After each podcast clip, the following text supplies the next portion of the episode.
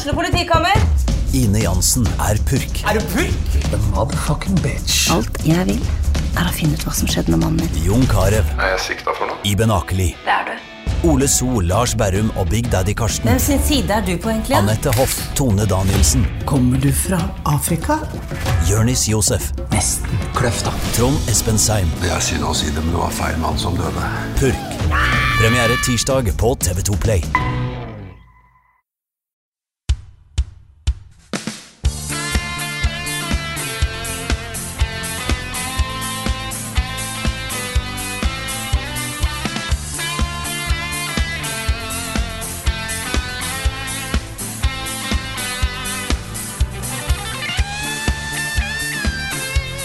Velkommen til en ny episode av podkasten Level Backup. Podkasten der jeg hver uke spør Rune om han har valgt seg tittel etter duellvinneren. Nei, beklager. det. Ikke ennå. Ikke. Jeg har altfor mye å tenke på. Alt for mye å tenke på. Oh, det er, jeg har så mange deadlines om dagen. Men det som jeg er utrolig fornøyd med, er at jeg har rukket alle deadlines. Da er det bra. Kommet i mål, liksom. Jeg har gått sånn i to uker nå. Bare sånn Å, jeg må gjøre det og det og det og det, og så lander jeg alt. Så det er en veldig god følelse også. Og nå er liksom de største tingene ute av verden. Så nå er jeg litt mer lugn og rolig. Det er veldig deilig. Ja, men det er bra. det er bra. Nei, altså, velkommen. I dag har eh, Denne uka så har Carl ei pauseveke, så da har vi fått med oss eh, vår eh, egentlig vanlige podkast-medlem Niklas Halvorsen. Hallo. Hello. Og det passer jo bra, fordi at dere to skal jo snakke om et ganske hot spill etter hvert. Det er mulig. Å, jeg gleder meg. gleder meg, gleder meg. Men vi må jo eh, nevne Vi har jo så mange Det er litt morsomt når vi kommer litt opp i antall eh, episoder og og høy, høye episodetall og sånt, for det begynner jo å bli sånne Vi hadde nettopp episode 333, ikke sant, og det er ganske gøy. Dette er jo da epis, episode Eat. 337. Ja, det er? Eat, ja. Det er Episode Eat. Så bare vent 1000 til, folkens. Da kommer vi med en saftig leat-joke. Det er bare til å glede Oh seg. yes. Gonna Ja, be a lot Ja. fun. Og så må vi komme med en liten beskjed som kan være nyttig for uh, ikke så mange, da, har det vist seg. Men for, for noen i hvert fall. Um, vi har jo gått ut hardt da, med å eh, ha ukentlige liveshow, liveshows på Eldorado. Og det har vært kjempegøy. Vi har hatt masse fine erfaringer, og det har vært gøy å se liksom teknikken begynne å falle på plass og sånne ting. Og de siste par ukene så har den vært helt uh, top notch. Uh, men det har jo ikke kommet så mange på disse showene. Eh, det har vært vanskelig å få folk til å liksom etablere den onsdagen som en Level Up Live Night. Um, vi har ikke lagt den tanken helt bort. Det er mulig at vi kommer tilbake til ideen om ukelige liveshows etter hvert, men vi har diskutert ting med Eldorado og Spelledåsene og Radcrew, og kommet fram til at et månedlig show med alle oss tre er en mye bedre ting. At det er lettere å på en måte um, planlegge, promotere og uh, ikke minst produsere et saftig liveshow, liveshow en gang i måneden enn hver eneste uke. Da blir det Så fire nå ganger så bra. sånn. Og i Det kommer til å bli fire ganger så bra. kan du gå med det med tre, for det er tre deltakere. Ja, Ja, ikke sant. Det er helt Ja. insane, faktisk. Så jeg skal ta og hente opp uh, den midlertidige øh, listen med datoer her, sånn at folk kan notere seg det i uh, kalenderen. Skal vi se. Det er da øhm, 13. oktober som neste show. Eh, og så er det 17. november. Og så er det juleshow 15. desember. Det er uh, uh, preliminary. Det er den foreløpige listen med de tre datoene som er igjen resten av høsten. I tillegg så planlegger vi et digert, saftig, megabra Level Up fyller ti år-show den 3. november. Så, ja, I november så er Level Up ti år, så da skal vi også ha et eget show. da, Det blir bare oss. Det um, Uh, Der må vi ha på plass streaming. Ja, det må ja. streames på, på kanalen vår også. Men uh, vi håper jo å se så mange som mulig i salen, for det kommer til å bli. Vi skal invitere gjester på scenen, vi skal mimre, vi skal ha show. Vi skal gjøre masse morsomme ting. Så det blir, det blir en bra kveld, altså. Så vil jeg også bare nevne eh, til slutt når det gjelder Eldorado, at vi hadde jo et eh, liveshow der onsdag kveld. Eh, hvor uh, uh, det det var egentlig en slags pilot på et konsept som vi har snakka en del om. eh, hvor man har litt sånn bokbadlignende uh, intervju med spillutviklere. Samtidig som man sitter og spiller spillet deres, og liksom snakker litt om det som skjer på skjermen også samtidig. Og gjør litt morsomme ting. Og i, eh, På onsdag da, så hadde vi jo Aasan eh, i Perfectly Paranormal på scenen for å snakke om Hellheim Hassel og hans eh, inspirasjoner eh, fra, som spillutvikler og osv. Han er jo en utrolig morsom og reflektert fyr. Um, og det er gøy å snakke om liksom, hans bruk av humor i spill, da, for det er veldig veldig sentralt i tingene han lager. Eh, men han har også skrevet eh, dialog til, til My Child Lebensborn. Så så det er en veldig spennende og interessant utvikler. Uh, og den praten ble kjempebra. Og etterpå så spilte vi jo Warrior Get It Together sammen. med Carl da, og Espen. Uh, og så til slutt så hadde vi lagd da uh, hver våre Hva skal vi si? Se for deg at Warrior er helnorsk. Hva slags minispill kan vi ha med da? Et helnorsk Ja, Warriorware-spill. ja, ja. Så det også var kjempegøy. Så vi vi skal prøve å få lagt ut noe av dette her for Patreon-backerne. Det ble filma av eh, Orlando, så tusen takk for det. Um, så um, eh, der kommer det nok noe uh, eh, sammendrag, i hvert fall, etter hvert. For Patreon-backerne, bare. Følg med. Så, Mm, det var et kjempeshow, og det kommer vi til å gjenta, det konseptet. For det tror jeg funker dødsbra på en scene, altså. Så um, de som var i salen, tror jeg koste seg veldig med det.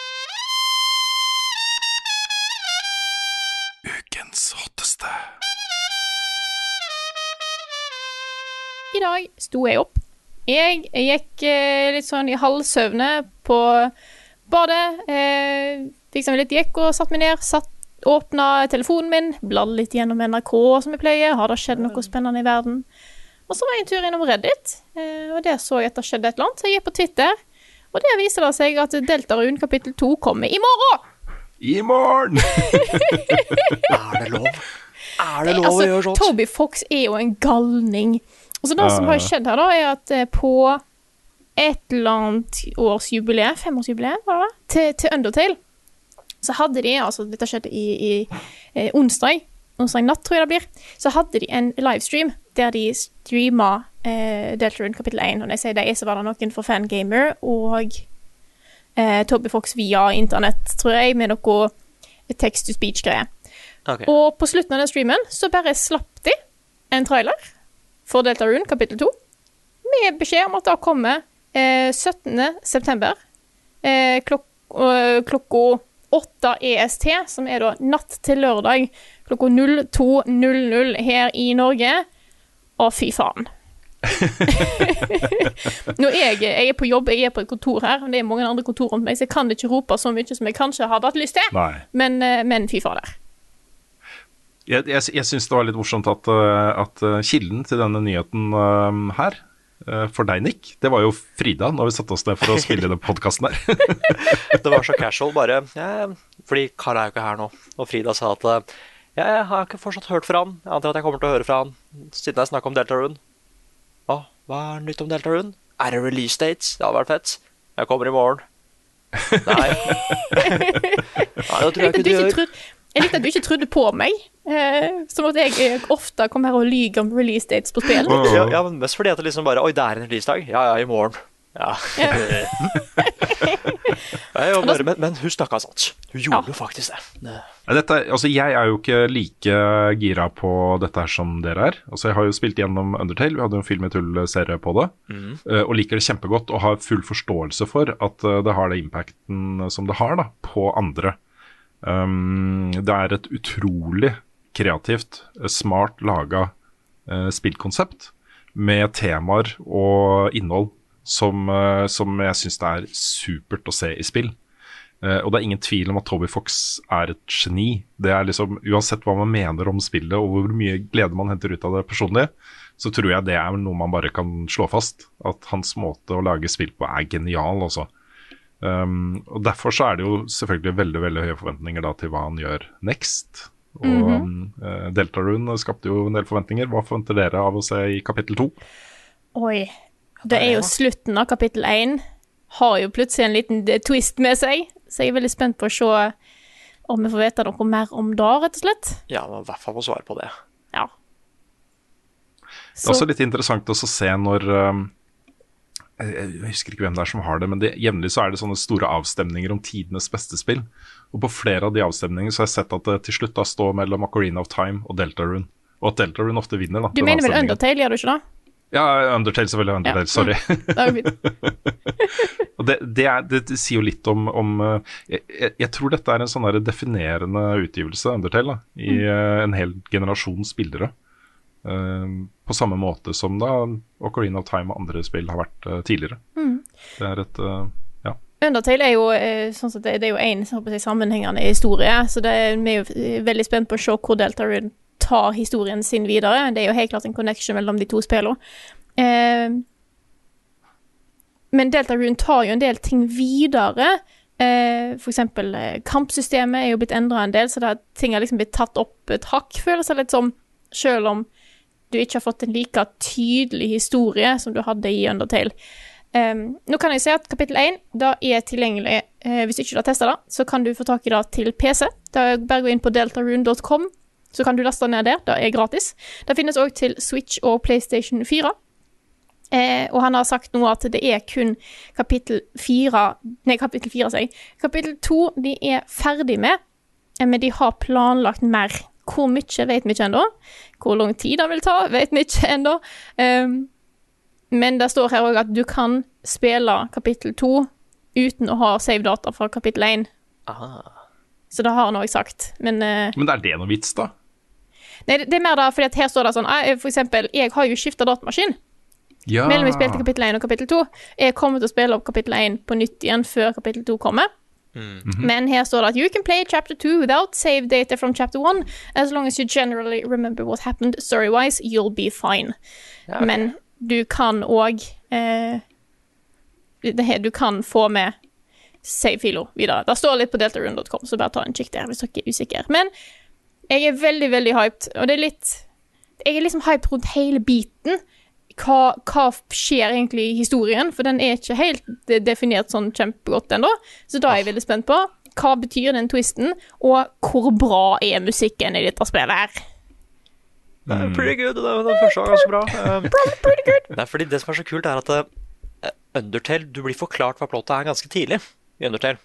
Uh, men her så er vi liksom Vi er usikre på setting, karakterene, åssen den verden egentlig funker og sånn. Jeg er også veldig spent på hvor svært det er, fordi jeg ble litt overraska at det faktisk er et chapter two. Mm. Fordi de sa at, iallfall i hvert fall Toby Fox sa at når det først dukker opp mer, så er spillet ferdig. Så jeg lurer på om det er en kjempesvær desidert større del enn det chapter 1 var. Ja, men jeg bare det, det er så gøy med sånne stealth releases.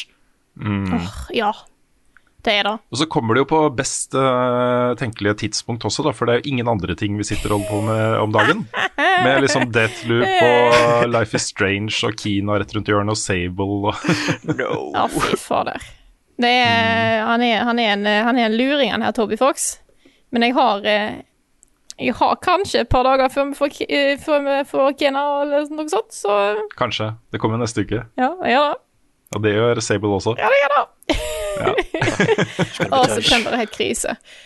Men Deltarune kapittel to, nå kommer det. Eh, jeg er veldig, veldig spent. Og så er jeg også spent på altså, alt fra hvor langt det er, og eh, om det hinter til hvor mange kapittel det kommer til å bli. Eh, 300. 300, ja.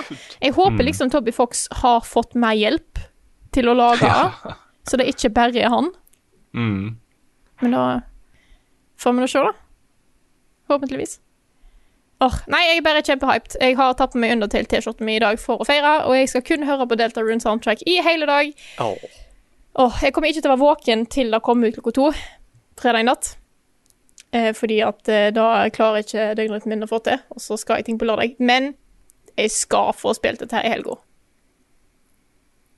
Skal du, Nick? Hva er din plan? Ja, ja, så klart. Ja. Jeg skal, jeg skal til og med prøve å være oppe til to, jeg. Ikke prøve, jeg er sannsynligvis det. Jeg er alltid det, egentlig. Ja. Så det er bare Ja, ikke sant? Da skal bare Da skal jeg jeg altså har for, jeg har for vanlig, vanlig time schedule, vet du. Det er, ja, Det krasjer med Toby Fox. Det gjør Ja, det gjør altså. Men nei, jeg, jeg, er, så- jeg er så gira. Jeg, jeg trodde ikke at det skulle liksom dukke opp så, så brått. Nei. Altså, det er først hvis det er et spill som skal bli lansert sånn som dette her, så er det jo Deltarune. Deltarune kapittel 1 ble jo eh, releasa uten at noen visste at det var et spill. Det var jo Toby Fox som bare gikk ut og sa hei, du, vi har en liten undersøkelse her, kan ikke dere ta den? Og så viste det seg å være et spill. Ja. Så eh, han her er jo Han er jo clean gal. eh, han her eh, luringen her, men eh, det gir jo, det gir jo litt ekstra hype, da, i spill, Ja, ja. spillverden. Så nei, jeg bare gleder meg. Nå er det en countdown på deltarune.com. Den står på 39, 36, 40. Oh. Snart, folkens. Snart har vi Deltarune kapittel 2 i hendene våre.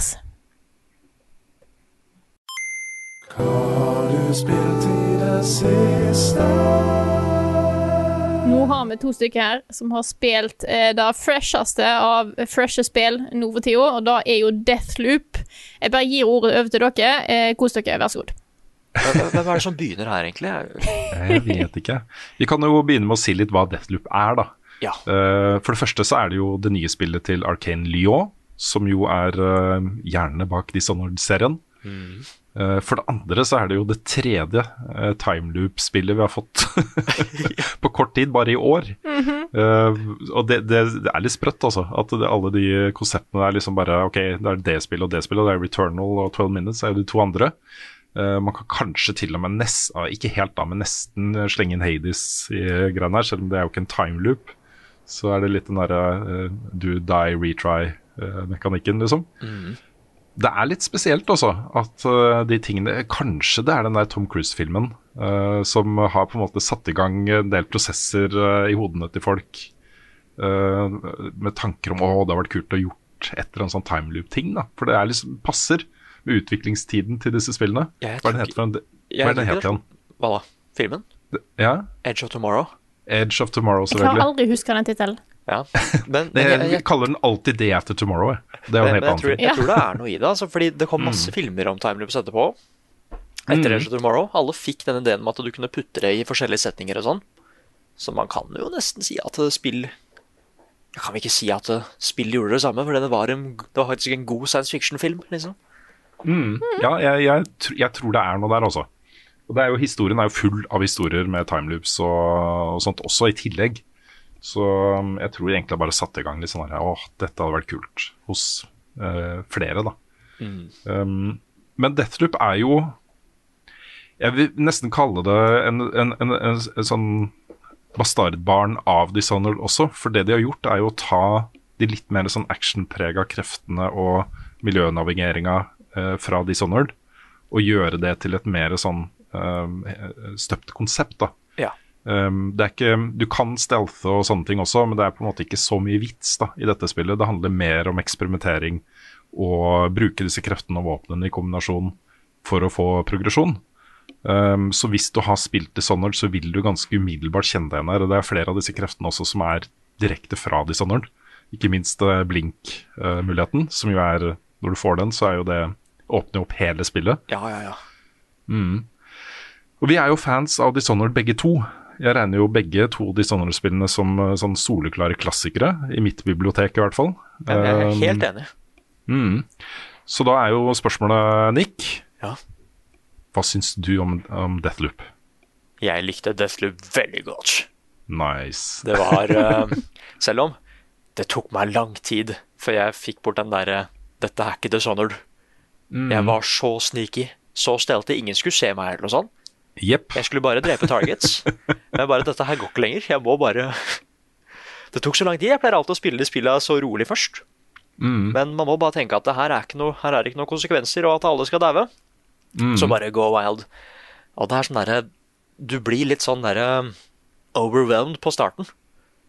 Karta er så liksom De har så mange retninger, og de er så komplekse, og måten info-law er spredd rundt i hver level, og det er liksom Det er så mye på en gang. Du er så bokstavelig talt ute av loopen på starten. Det er for mye som skjer. Ah, men det er eh, Det var så gøy. Ja, det kommer, jeg har jo eh, Starten på Deathloop ligger jo som video til de som ser denne podkasten på YouTube. Eh, og den viser ganske tydelig at vi har spilt det spillet her på samme måte i starten. For jeg også er sånn Dishonored for meg er et stealth-spill. Eh, det, er det, det er måten å spille Dishonored på, det er sånn jeg har spilt de spillene. Og hver gang jeg har liksom havna i store kamper og sånn, jeg har ofte til og med bare gått tilbake til forrige quicksave. Fordi jeg har lyst til å stealthe, ikke sant. Mm, ja, samme. Um, jeg har ikke brukt så mye tid på å eksperimentere med de kreftene her, så jeg måtte bruke også ganske lang tid på å omstille meg. Det var en, uh, det var en prosess, altså. Og så syns jeg det har vært um, gradvis Jeg er blitt litt sånn bekymra for Deathloop i forkant, fordi jeg syns det er litt vanskelig å få et godt bilde av hvordan det er å spille det fra trailerne. Og ikke, ikke minst også Jeg satt for å finne da bilder, jeg har anmeldt dette spillet på NRK, ga det terningkast fem. Um, og skulle finne da bilder til anmeldelsen som skulle vise fram jeg, jeg prøver å finne bilder som representerer spillet på en god måte, ikke sant.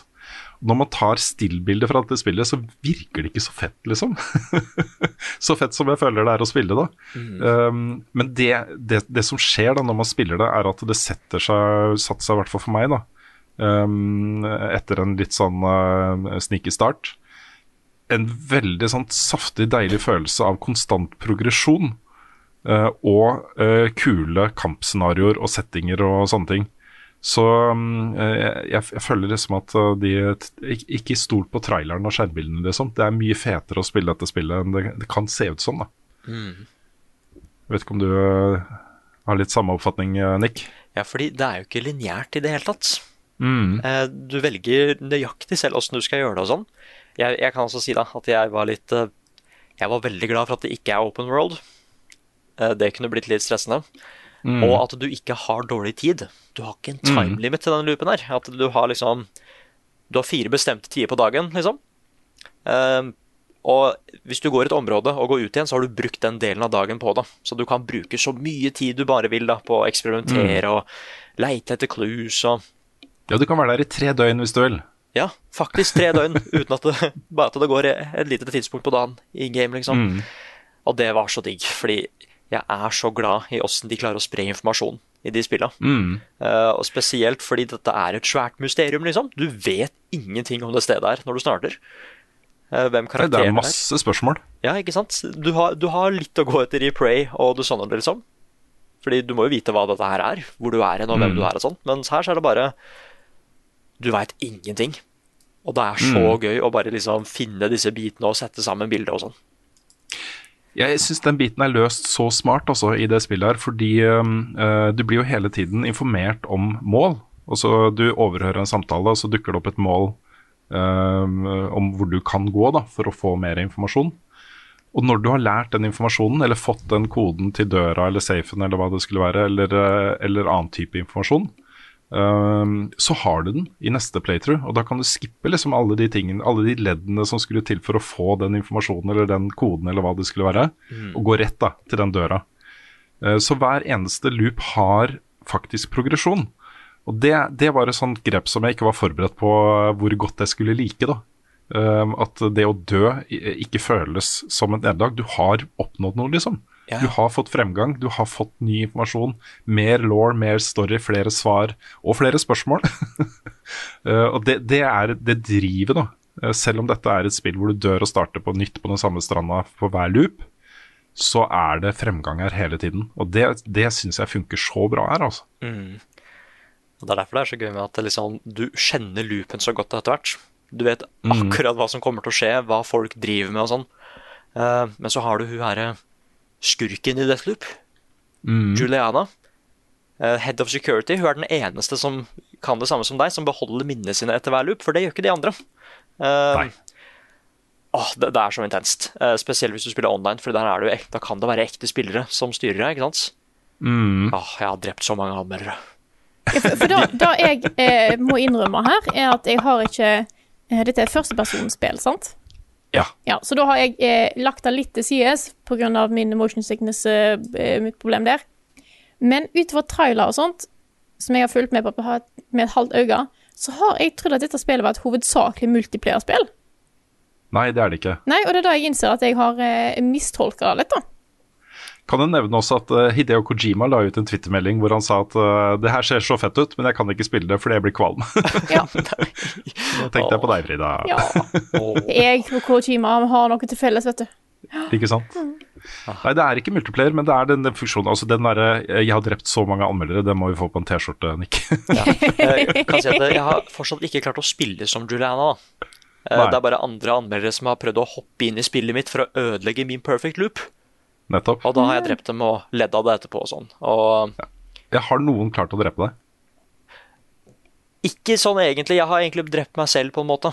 eh, Med at Ja, jeg, jeg, jeg har fått litt panikk når noen dukka opp. Hvis du har liksom sånn Det er det som er så gøy, vet fordi du har full kontroll på loopen hele tiden hvis du har gjort den så mange ganger. Men så fort du får melding om at nå er Juliana her, så får, du havner i sånn panikkmodus med en gang. fordi nå er det en anomaly her som ikke følger loopen. Nettopp. Uh, og da blir man litt sånn der OK, da, hva gjør jeg nå? Nå kan ikke jeg gå der. Nå, nå kan jeg plutselig være der. Uh, jeg har bare ett liv igjen. Hvis jeg dør nå, så mister jeg alle tinga jeg har fått tak i også. Eh, Og da har jeg enda opp at eh, enten så er jeg dette ned fra noen tak, eller gått på en turret, eller et eller annet sånt. Ja, nettopp. Uh, så jeg, jeg, jeg har drept meg selv. Men jeg har fortsatt ikke latt noen andre anmeldere drepe meg. ass. Ja, det er- Ja, Det er bra. Det er bra. Nei, så Pressfire og Gamer de prøvde helt sikkert, men det, det går ikke, vet du. Bare- Verdens beste anmelder jobber i Level Up Norge. Yes! Men, men jeg kan si at jeg har eh, jeg, jeg var jo så Jeg var jo så dum og tok dose to rett i det øyeblikket vi fikk kode til eh, Deathloop. Eh, Derfor er anmeldelsen litt sein nå, for jeg, jeg, har- jeg har litt lite energi nå. Så jeg har litt problemer med Ja. å klippe den sammen. Men den, den kommer om ikke så mange dager, da. Mm. Så jeg skal ikke snakke sånn skikkelig gå skikkelig in depth i hva anmeldelsen er og score og sånn, men jeg kan jo si at jeg er ikke Jeg likte Deathloop veldig godt, men jeg er ikke helt der Rune er. Nei. Uh, og det er egentlig bare at det er eh, Jeg syns konseptet er skikkelig bra. Men nå er det en, death, nå er det en loop igjen, da. Jeg er ganske glad i loops. uh, og jeg, og jeg er ganske Jeg blir fort litt lei meg hvis det er noen som ikke helt får til Hvis det er noen som ikke får til en loop. Som annet Returnal og 12 Minutes. eh, de fikk ikke helt til loopen på slutten, syns jeg. Jeg er de, delvis enig eh, med, med ett av de, og fullt uenig i det andre, men det har vi snakket om også men, men jeg kan si at det er eh, jeg kan, egentlig, jeg kan si hva hovedproblemet er, da. Uten Uten å gå sånn skikkelig Ja, for det er jeg spent på. Ja, fordi mm. det jeg likte veldig godt først, er det at spillet er så flink på å beholde informasjonen for deg. Med at hvis du finner en Post-it note, eller hører en samtale, eller finner ut av et eller annet på åssen du kanskje skal drepe Fordi det er målet med hele spillet. Du skal drepe åtte folk i én loop. Og du Mm, skjønner- Visionaries. Ja, og du skjønner på starten at det her kommer ikke til å funke med mindre jeg gjør noen greier i loopen. Altså liksom, Mange av dem er ikke på det samme stedet samtidig, og sånn, så du må være smart her. Uh, og jeg elsker bare åssen ting Du får så mye informasjon, men det er alltid lett å finne fram til informasjonen. Finner du en post-it note med en kode, så står koden på der du, den døra du kan bruke den. Kjempesmart. Ja, det bygges jo ut også et litt sånn tankekart uh, i menyen etter hvert. Ja. Så Litt sånn Outer Wilds-type ting. Ja, det er akkurat det jeg skulle si. Veldig likt Outer Wilds på åssen informasjon blir bygd opp. Problemet jeg hadde med det, er det at eh, jeg var veldig spent på å finne ut eh, mitt favorittøyeblikk. Dette er også grunnen til at The Outer Wilds dere er det eneste spillet som har fått til en perfekt timeloop, syns jeg. Eh, Fordi det mest magiske øyeblikket med Outer Wilds er det Eureka-øyeblikket når du til slutt skjønner Å, shit, jeg tror jeg vet nå åssen jeg skal klare det. Fullføre dette spillet her. Det er nikkes fra Trondheim. Ja, jeg, jeg, jeg ser det til og med. Eh, og det er, uh, eh, men i Deathloop så er det det at spillet uh, passer på all informasjonen din. Og det jeg da ble veldig skuffa over, er at eh, når du finner den riktige måten å gjøre det på, så bekrefter spillet det for deg før du har gjort det. At det liksom Så når du til slutt har all, liksom, all kunnskapen og alle liksom midlene til å faktisk gjøre the perfect loop og runde spillet, så sier spillet ifra at OK, nå har du det, nå kan du runde spillet. Og, og det var jeg så skuffa over, fordi jeg fikk ikke den derre Jeg fikk ikke det Eureka-øyeblikket, da. Jeg, jeg var så spent på bare når er det jeg klarer å til slutt skjønne at dette her er sånn jeg skal klare spillet. Det kan hende at det ikke går, men det er så crazy at det kan gå. Jeg ville ha et sånt øyeblikk. uh, og jeg forstår jo det at da er det lettere for flere å runde spillet. Og da, det er bra, liksom, fordi jeg liker historien veldig godt. Jeg har ikke noe problem med historien, forresten. Jeg likte historien kjempegodt. Ja, det er derfor det ikke får tre av ti. Blant Fordi- annet, ja. ja. Eh, jeg kan si at det ikke får tre av ti, fordi de, de fikk til historien. Jeg likte twisten og sånn. Eh, men det er egentlig bare den at eh, jeg var så spent på endelig skjønne Oh shit, jeg vet nå også jeg skal bryte loopen. Dette er- det er så crazy, men hva hvis det går? Hæ? Hva hvis det kanskje går? Ja. Og jeg, jeg fikk det øyeblikket tatt bort fra meg, da, med at det spiller veldig kule cutscenes når du liksom har en kul måte å gjøre det på og sånn, når du har løsningen. Men jeg kunne ønske at jeg ikke fikk nøyaktig den riktige løsningen på åssen du skulle klare det, å bryte loopen. Det, er- det er gøy å høre deg snakke om det, fordi det, det er veldig lett å forstå da, hvor, vi, hvor vi er uenige. Fordi eh, jeg mener jo måten de har gjort det på her, da, eh, er veldig bra spilldesign. i dette spillet.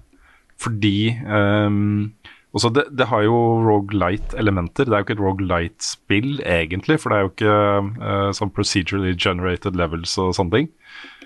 Så det er roguelite, ikke Det er roguelike. Det er roguelite. Jeg fikk en eh, tilbakemelding på NRK fra en eh, leser som, eh, som mente det var en skrivefeil i anmeldelsen, for jeg hadde kalt den en og ikke en roguelike. Og da var det sånn, som du nevnte, Frida, det er et well actually moment for meg, da. Don't you know who I am? Ja. Men uh, jeg, jeg ser på timeloopen her, og de elementene mer som et uh, narrativt grep. da. Um, og um, satt stor pris på at progresjonen min ble behørig uh, meldt fra om hele tiden. Ja. At, uh, for, for det ga meg den der følelsen av progresjon, og også det øyeblikket hvor du liksom knekker koden og kommer dit. Jeg, jeg er glad for å få den type informasjon i spill også, i hvert fall i dette spillet som er så action- actionfokusert og det drives, drives videre hele tiden. eh, I form av dialog og nye plottpoenger og mer informasjon og alle disse tingene. Så det var ikke en deal-breaker for meg i det hele tatt. Eh, snarere tvert imot. Ja, ok. Mm, men jeg, jeg har full forståelse, fordi eh, det øyeblikket er jo veldig sterkt i Outer Wilds, men det er også et eh, skal man si et, et uh, uh, Ikke mindre spill, for du er jo ute i et svært Så det, det er stort. Men det er færre bevegelige deler til sammen, da. Uh, hvor eh, den pathen, selv om den er litt vanskelig å finne fram til og krever mye eksperimentering og utforsking og sånne ting, så har du på en måte en, en mer sånn smal path til den slutten. Eh, her er det flere bevegelige deler, flere rollefigurer, uh, mer plott, mer story, uh, flere ting å finne uh, osv. Og, så og da mener jeg det kanskje krever litt, også litt mer håndholding da, gjennom dette her. For du har masse frihet. Du må finne fram til ting også på egen hånd. og føler deg smart da når du gjør det. Men jeg, jeg satte pris på det også, at man fikk den informasjonen Ja. Fortalt. Så mm, ja. Det, det høres ut som at eh, Deathloop er noe som er verdt å spille, i hvert fall. Absolutt.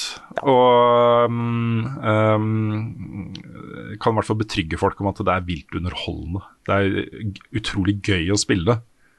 Og det var jeg litt bekymra for at det kanskje ikke skulle være, da, i og med at det ble så tungt actionfokusert. Men eh, det at du etter hvert får du muligheten til å beholde da, eh, våpen du er komfortable med og liker å bruke, um, og powers og sånne ting, og det, det mm, Da åpner spillet veldig opp, altså. Da kan du liksom finne dine måter å spille på, og gå litt for det. Og bli god på det. Bli ekspert på den måten å spille på. Eh, og da, da du, er, du er liksom alfa-rovdyret på den øya her, liksom. Ja. Og, og det gir deg den følelsen, da. Jeg, jeg, jeg er så spent på speedruns av det spillet. Ja, fy det rakker det. Fordi når du, når du er ferdig med det, så får du en sånn melding om at eh, nå kan du uh, Thank you for playing Deathloop, men nå kan du prøve å få high score for å se hvor fort du klarer å bryte loopen. Og jeg bare ser for meg hvor spennende det blir, for det blir forskjellige kategorier. ikke sant? At det kommer til å være offline speedrun og online speedrun, og det kan Ja. bli så spennende. Ja, er At, at det plutselig kan dukke opp en stranger som skal ødelegge ditt speedrun. Ja, en nikk. Ja. Speedrun breaker.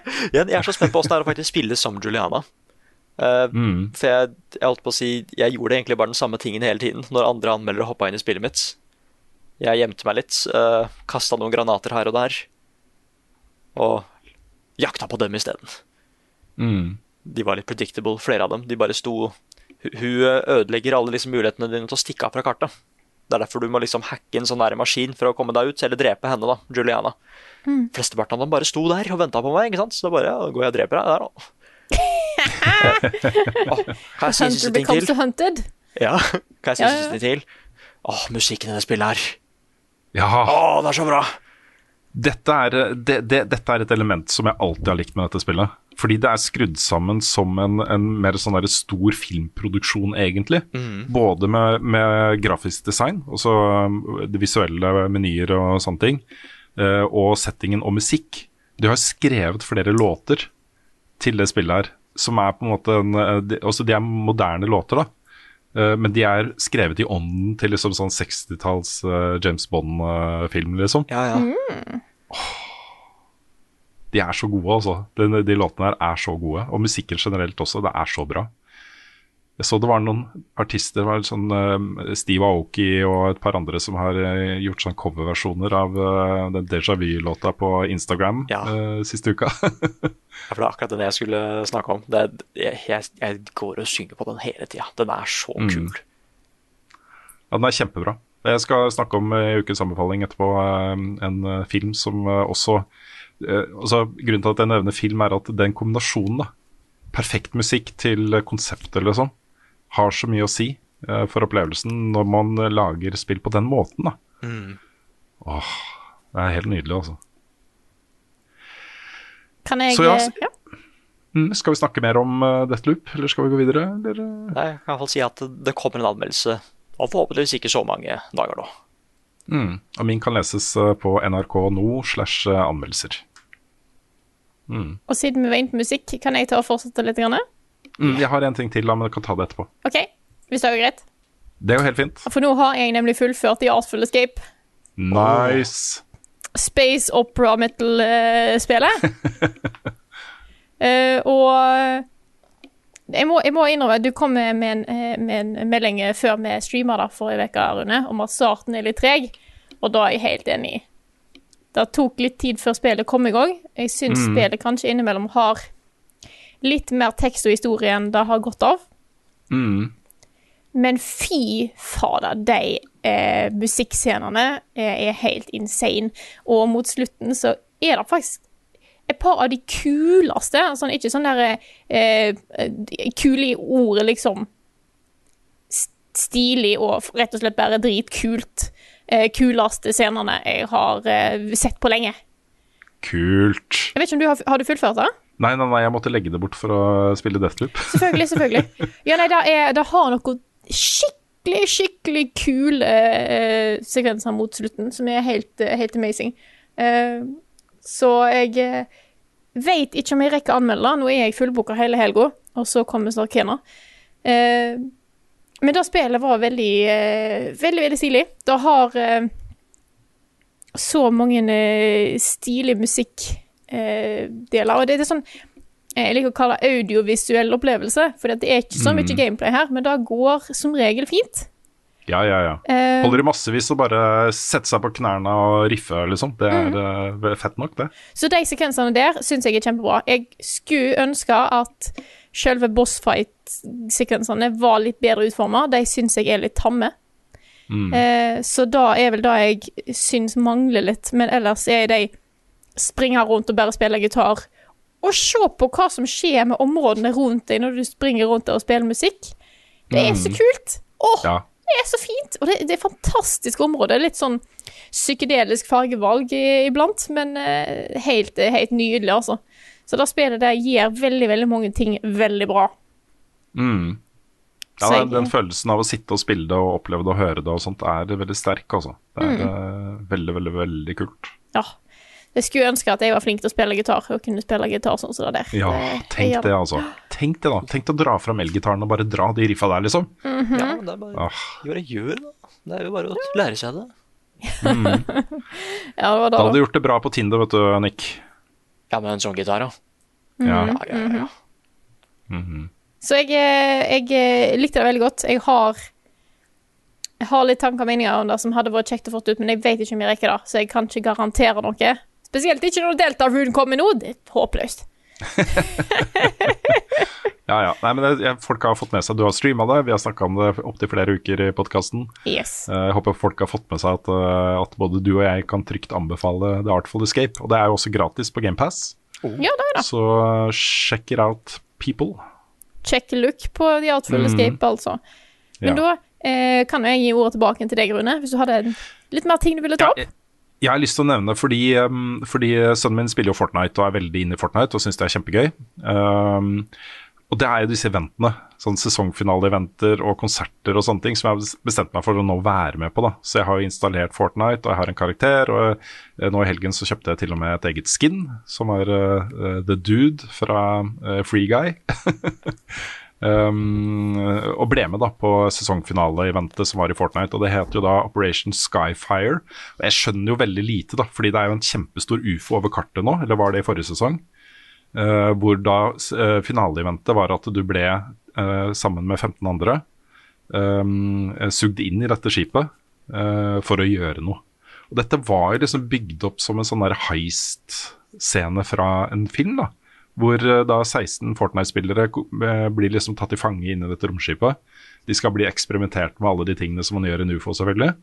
Eh, men dørene blir hacka, og så går man da i samla flokk til et sted for å liksom ta ned den ufoen. og til slutt så kommer det da en sånn kjempestor kube, som tydeligvis er veldig kjent fra Fortnite, uh, ifølge sønnen min. Ja, den, den svære kuben, liksom. For det husker jeg. Ja, ja, ja. Ja. Um, og det er, uh, Fram til det så er det kjempekult. Vaktene oppdager oss og begynner å skyte på oss, men vi har ikke noe våpen. Vi har en bombe på ryggen som skal aktiveres uh, inni dette skipet. da.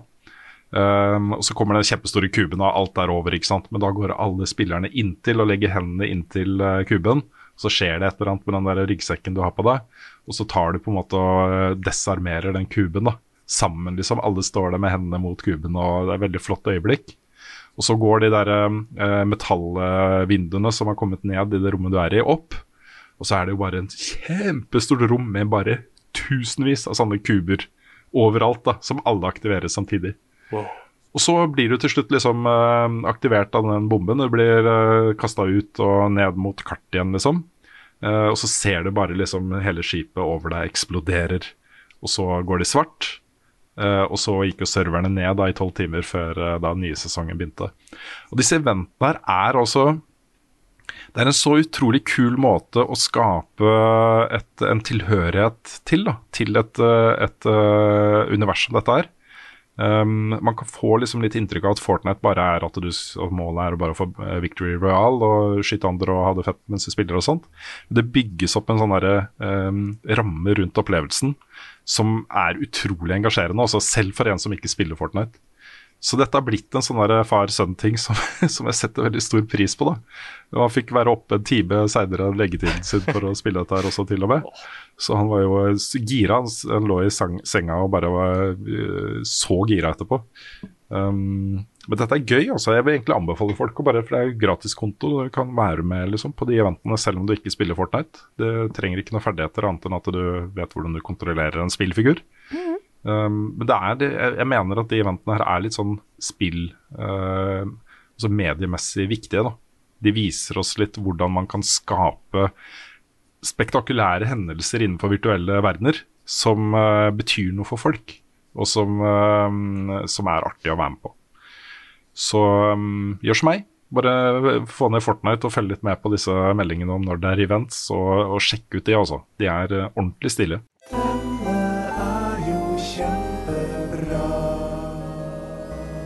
Ukens anbefaling. Jeg var ikke veldig sjokkert da det kom inn en melding fra Rune om at han hadde en anbefaling denne uka her, for jeg vet hva du har gjort. Gjett om jeg ordna meg billetter til førpremieren av Dune på Imax eh, her i Oslo, da. Gjett om jeg klarte det. det var litt morsomt fordi, fordi eh, jeg møtte jo eh, Ida fra Rad Crew, var jo der. Snorre Bryne, tidligere spillansvarlig i Dagbladet, var jo der. Så det ble plutselig litt sånn hyggelig gjenforening eh, der også. Men dette er, jeg har jo ikke noe forhold til boka, eller filmen, eller noe annet, egentlig. Også Dune har alltid bare for meg vært et sånn uh, science fiction, fantasy-univers som, uh, som er interessant, men som jeg aldri har fordypet meg i. Så jeg har ikke engang sett David Lynch-filmen, selv om jeg er glad i David Lynch. da. Oi. Men jeg elsker science fiction fantasy. Også det er min favoritting å se, da særlig på kino. Og så store, fremmede verdener hvor det er lagt inn masse arbeid i arkitektur og eh, systemer og natur og alle disse tingene, liksom. Å se den på kino, drømme meg bort i, i andre planeter og andre verdener og sånt, er liksom Det fins ikke noe bedre sånn for meg, da. Å bare fortære sånne verdener hvis de er gode, da. Uh, Så Derfor så gleder jeg meg til denne filmen, og ikke minst også fordi det er jo Denis uh, Villeneuve som er regissør her. Um, og han har jo lagd uh, Sicario, Arrival, Blade Runner 2049. Veldig sånn visuelt sterke filmer. Ja, han er flink, altså. Veldig, veldig veldig flink. Eh, og når han i tillegg sier at eh, som 14-åring, liksom, da han leste eh, Frank Herberts eh, Dune, altså de bildene han fikk i hodet, det er, det er det som han har brukt som utgangspunkt for å lage denne oh, filmen. Så kult. Han har, ikke sant, han har hatt lyst til å lage denne filmen i tillegg. Eh, og dette er jo et eh, Det å lage filmer av Dune er jo sånn filmfaglig da, eh, veldig spennende å, å lese om, fordi det har blitt gjort så mange forsøk. Det er så mange forskjellige regissører som har vært involvert, og kansellerte prosjekter og rettigheter som er kjøpt og solgt osv. osv. Uh, ikke minst så er det jo en sånn uh, det, det skulle jo bli laga en sånn 14 timer lang versjon av filmen på jeg tror det var 60-tall, 70-tallet, jeg husker ikke helt. I alle Um, dager. Ja, som aldri ble noe av, da. Men der er det lagd en dokumentar um, om den prosessen, som også uh, mange snakker om. Da har ikke fått sett den sjøl. Har du sett den, Nick? Ja, den har jeg faktisk sett. Jeg. Du har det? Jeg skulle akkurat si at jeg kan ingenting om Dune, men den så jeg jo på skolen, ja. Ja, for det er sånn jeg, det blir brukt i undervisning uh, på filmskoler, den, den filmen, den dokumentaren. ja. For det er veldig sånn at du må Der var det ikke så mye killer darlings, for å si det sånn. Um, og så er det en sånn ting at det er, det er farlig å følge boka 100 Mm. Pluss at han hadde vel Jeg husker ikke hva han heter, men han uh, ah, Jeg, jeg syns litt synd på ham fordi han var så engasjert. Men, han, Mm, han, Fjodorevs- Fjodorevskij eller noe sånt, er det, jeg husker ikke helt det. det er noe. men han hadde lyst på ting som vi ikke hadde fått til nå engang. Da. Mm. OK. Uh, og og da, da blir det litt vanskelig. Ja. Mm. Men uh, Villeneuve har jo tatt seg en del friheter her i forhold til eh, grunn, uh, grunnlaget, altså boka. Boka er hans utgangspunkt. Han sier han uh, har sett og likte uh, David Lynch-filmen og sånne ting, men det er boka han har gått tilbake til. da. Eh, og han har endra kjønn på noen rollefigurer. Han har gitt eh, noen av de en, en sterkere rolle eh, i denne historien. Eh, men eh, han har på en måte holdt seg ganske tett da, til, eh, til eh, hans versjon fra liksom, ungdomstiden. Og de bildene han fikk i hodet av dette universet her. Uh, og universet i seg selv uh, sentreres jo rundt da også et, et, uh, et krydder, en spice, um, som også er et, et sånn hypnotisk dop, og brukes til å sånne interstellar travels og space og sånne ting. Også det er det mest verdifulle i hele, eh, hele dette universet her. Eh, og, og det fins da på, uh, på en planet um, som, som det kjempes om, liksom. Altså det, det er kjernen i konflikten her, da. Um, og jeg syns det er elementer her som minner meg veldig om Game of Thrones. I måte, altså Du har liksom um, House, House Harkonnen og House Atreides som er liksom mot hverandre. Det er, det er mye sånn baroner og sentrale skikkelser og, og sånt som jeg kjenner igjen litt fra Game of Thrones-tankegangen. Også fantasy-biten okay. er ganske sterk her. Um, og han har jo fokusert da veldig mye på de viktigste rollefigurene her. Uh, hvor uh, du følger da um, eh, Timothy Chalamet eh, i hovedrollen som, eh, som sønnen da, til, til lederen av House Atreides.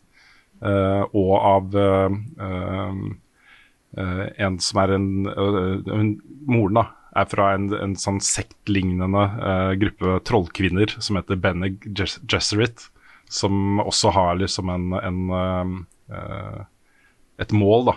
Et overbyggende mål i eh, dette eh, universet er, liksom. Sitt eget mål, som kanskje er litt annerledes enn eh, The Empire og de forskjellige husene og sånne ting.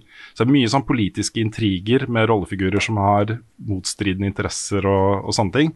Og så har du ikke minst også en utrolig kul, nesten sånn parodisk slem uh, House Harkonnen. Med en helt amazing Stellan uh, Skarsgård da, i hovedrollen. Eh, I, rollen som baron eh, Vladimir Harkonnen. Han er så kostelig i den filmen her. Altså. Det er så gøy å se på. Um, så ja.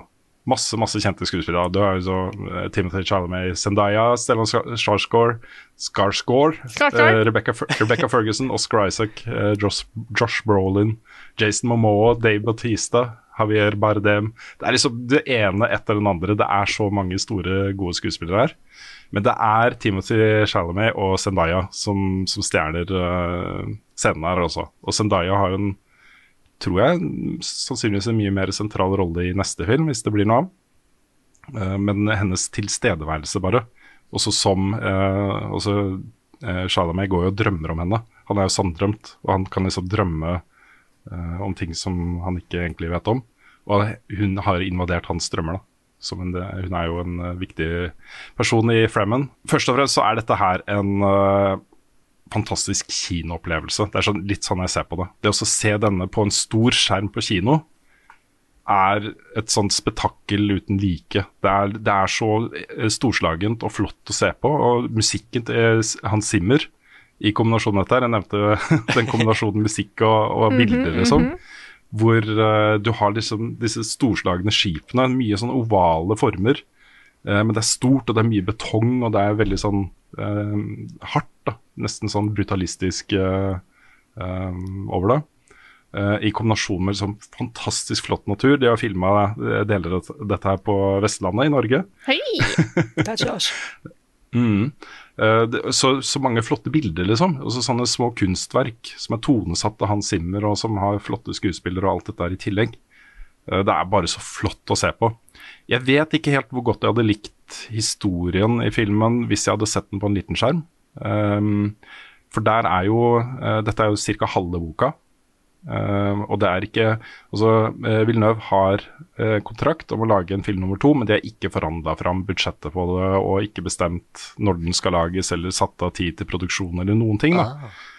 Så, um, men han har sagt at han har sett på dette som en, en, eh, to, uh, to deler, da. Eh, To filmer. Så jeg krysser fingrene for at dette her blir sett på kino, at den tjener nok penger til at de får det budsjettet de trenger til å lage film nummer to. Og den kommer nok til å bli ganske annerledes. Nå skal jeg lese boka, for det klarer jeg ikke å la være å, akkurat nå. Nå må jeg lese boka. du altså? Nå har du kanskje en skikkelig svær mulighet til å oppleve det der for første gang visuelt. da. Ja, ja, det er sant. Fordi jeg var veldig glad for at jeg ikke visste noe før jeg så den. Jeg var det, altså. Det er det å se Villeneuve, Simmer og disse skuespillerne eh, sin versjon av Dune uten å vite noe om det på forhånd, har kjempeverdi. Ja. For jeg har ingen har jeg forhold til, den, til, til filmen eller boka. Jeg vet ingenting. Nei, ikke heller. nei. Åh. Nei, se, den her, se den filmen også. Det er en uh, helt fantastisk kinoopplevelse. Og så har jeg lyst til å legge til at uh, jeg var litt inne på det med, med House Harkonnen, som Altså, de har sånne uh, mange sånne gutturale sånn snakker liksom altså, Det er mye sånn, da. Og, og baron Harkonnen også. Han er liksom han, er veldig sånn uh, korpulent. Så sitter og bare spiser mat og det, det sikler og er veldig, veldig slem, liksom. så det er nesten på grensen til det parodiske, da. Uh, men også rollen til, eh, til um, Jason Momoa her. Jeg klarte ikke å la være å tenke på at i mange scener i den filmen her så ligner han så utrolig mye på Steven Segal. Ja, han har ikke skjegg. at det ble nesten litt forstyrrende. Stemmer det, han har ikke skjegg her. Mm. Ja. Nei, han har ikke det. så så ikke, jeg håper ikke det forstyrrer for mye for andre, da. Men for meg så ble det litt sånn. Ja, jeg syns det var litt morsomt. Men um, ja. Jeg tror nok at, øh, at Timothy Chalamet og Zendaya er liksom de, de kommer vi til å følge karrierene til i mange tiår framover. De har så sterk personlighet på skjermen, begge de to. Um, utrolig gode skuespillere. Og jeg er veldig veldig glad i Euphoria, denne TV-serien på HBO med Zendaya. Zendaya er fantastisk. Ja, hun er så Hun har så karisma og tilstedeværelse på skjermen. Altså, jeg syns hun er eh, en av de beste skuespillerne vi har, rett og slett.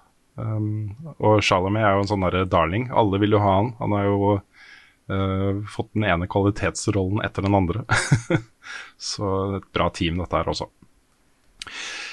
Til slutt, da, eh, vil jeg ha en, eh, en, en liten mention av et, et spillmoment som er viktig for oss her i Norge. Det er jo nemlig et norsk selskap som eier rettighetene til å lage Dune-spill, og det er jo Funcom. De sitter jo nå og jobber med et, et kanskje flere Dune-spill. Eh, og Det har vi ikke sett så mye av foreløpig. Vi vet jo at i hvert fall det ene vet vi er et, uh, en slags forlengelse av uh, um, særlig da Dune 2.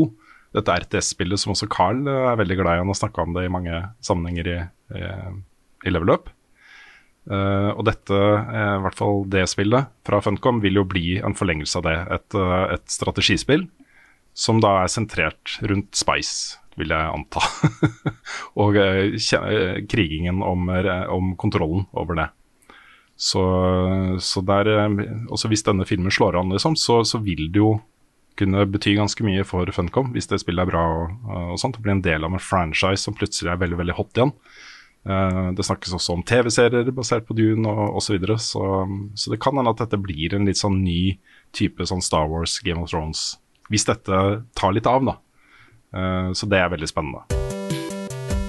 Her kommer nyheter med Rune Fjell-Olsen, og han har ikke hår. Og apropos Funcom. Nå sendte de ut en pressemelding denne uka her eh, hvor det ble kjent at de har kjøpt rettighetene til Robert E. Howards eh, eh, univers. Og så alt Ron E. Howard skrev om, kan de nå bruke og lage TV-serier, filmer, eh, spill, alt mulig rart av. da. Eh, og de har jo allerede hatt en avtale med rettighetshaverne der og lagd Conan, eh, Conan Exiles og Age of Conan. Nå blir det da mer fra Ron E. Howards eh, univers. Uh, og det de har sagt uh, i den pressemeldingen, er jo at uh, et konkret spill de jobber med, er en, eh, et helt nytt spill som kombinerer da flere karakterer fra det universet. Um, etter inspirasjon fra da Marvels Cinematic Universe, hvor rollefigurer fra forskjellige universer dukker opp i hverandres filmer og sånne ting. Um, og jeg, jeg kjenner jo egentlig uh, nesten bare Conan fra det universet. Han er nok det mest kjente, men uh, for kjennere da, så er det jo sånne rollefigurer som Steve Costigan, El Borak, Dark Agnes, Cull of Atlantis, Thulsa Doom, uh, Solomon Kane, um, Bran Mark uh, McMorn uh, osv. Så, videre. så det er, det er mange godt etablerte fantasy-karakterer her, og universer. Uh, og jeg er veldig spent da, på hva Funcom får til her uh, med denne lisensen. Det er liksom, nå eier de faktisk en lisens som har utrolig mye law og bakgrunnshistorie og ting de kan spille på og bruke av for å lage uh, spillopplevelser. Og det er uh, kjempespennende, altså. Så um, uh, ja. Det er tydelig at de har uh, et, greit uh, tung finansiell backing nå via Tencent, som jo eier uh, norske Funcom. Um, men ja, vi får se. Det blir da sannsynligvis ikke så mange tibetanske flagg i disse spillene. Fordi um, nå har jo det uh, Med Life is Strange, True Colors, er det jo en butikk som heter Treasures of Tibet, hvor det da er et tibetansk flagg, og det har nå ført til at uh, dette spillet blir review-bomba på Steam uh, med kinesiske anmeldelser. No. Ja. Um, fordi Tibet er jo kinesisk.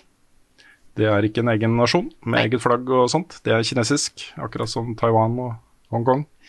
Så, um, så det er litt spennende. Vi um, tar en liten avlegger til til Kina. Uh, Det ble jo kjent for noen uker siden at uh, de nå begrenser spilletiden til alle under 18 i landet. På de får bare en online-spill. time. Hmm? Online-spill, ja. Mm. De får nå bare en time hver. eh, på fredag, lørdag og søndag. Og resten av uka kan de ikke spille noen ting. Eh, nå stanser de også midlertidig, eller de bremser eh, godkjenningen av nye spill. Oi, Så eh, hvis du vil gi et spill i Kina nå, så kanskje det tar et år eller to eller tre, eller ikke i det hele tatt, eller et eller annet. da. Så det er jo shit. et ganske dramatisk grep de, de nå gjør. Det er jo Måten myndighetene i Kina snakker om spill på, er jo veldig bakstreversk.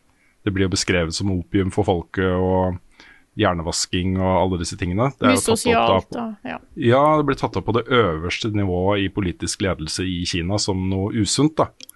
Eh, og det, det, det er jo Ja. Feil. Den er vi jo helt forbi i Vesten, heldigvis. Selv om det snakkes om, og selv om det er elementer her. Mulig at vi kommer tilbake til det i ukens eh, spørsmål og svar-spalte. Uh, men som et sånn statlig grep er det jo helt Det er jo Helt bak mål. Men det er Mm. ja. Vi går videre vi, til rettssaken mellom Epic og Apple, som nå har fått en konklusjon, en dom, som eh, ikke sannsynligvis er rettskraftig fordi Epic eh, har bestemt seg for å anke. Eh, men den var litt spennende fordi både Epic og Apple tapte den rettssaken. Hvor da Epic fikk ikke medhold i at, at Apples eh, altså AppStore er monopolistisk. Men Apple fikk pålegg om å tillate linker til andre butikkløsninger på sine plattformer. Som da betyr da at f.eks. Fortnite vil da ha muligheten til å ha eh, alle inntektene fra mikrotransaksjoner i det spillet istedenfor å gi 30% til Apple. eh, hvis da eh, brukerne går til deres butikk istedenfor Apple sin eh, versjon av den. Så um, det pålegget tror jeg de må følge uansett, men eh, selve rettssaken er jo anka, altså dommen er anka, så det blir en ny runde uh, her. Det er ikke avklart helt. Vi eh, har mye eh, politiske saker i spalten denne uka her. Eh, Twitch har nå saksøkt eh, to brukere eh, i deres eh, systemer. Som eh, eh, Vi vet ikke helt hva de heter, men eh, brukernavnet er eh, Creatine Overdose og Cruise Control. Fra Østerrike og Nederland skal disse to brukerne være. Eh, og det de har gjort, er jo å være litt sånn pådrivere for, eh, for denne eh, Hva er det du kaller det? når du Hate raids. Hate raids er raids i Twitch. Som i utgangspunktet er en kjempehyggelig ting, og vi har jo blitt raida og raida andre uh, når vi er ferdig med vår stream, og det er noen andre vi kjenner som har en, en stream, så kan vi raide de med våre brukere, og så kommer de innom, og så får de plutselig et par hundre ekstra uh, seere og sånne ting. Og det er en kjempefin ting. Men hate raids er jo da at man samler masse folk, så raider man eh, streams, og da særlig til eh, da, transpersoner, eh, homofile, personer med, med andre hudfarger enn hvit, osv. Og kommer med hate speech, rett og slett. Og er ofte bare bots.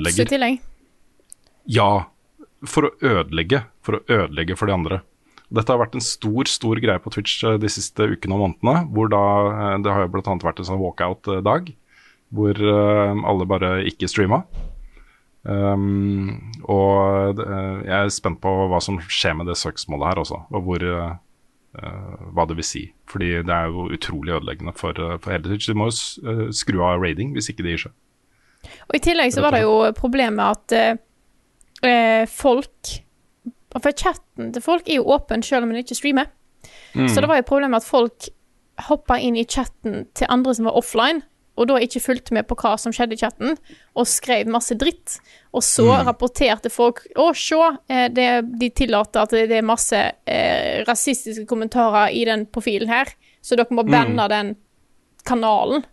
Ja. Så folk blir banna uten at de streamer. Nei, det, var, det er helt uh, crazy, altså. Det er ikke bra. Så Bra Twitch endelig tar tak.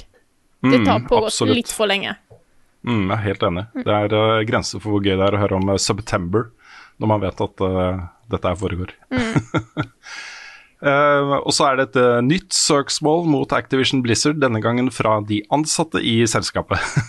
som nå har saksøkt Activision Blizzard for brudd på federa føderale arbeidslover. Oi, såpass? Mm, og det som søksmålet går på, er jo at de mener da at de ansattes eh, forsøk på å samle seg for å kreve bedre arbeidsforhold blir motarbeida og trenert eh, av selskapet. Og eh, ifølge da eh, de føderale arbeidslovene så mener de at de har rett til og krav på å kunne gjøre det for å få en bedre arbeidsplass. Så det begynner å samle seg opp med søksmål mot selskapet nå. Um, ja.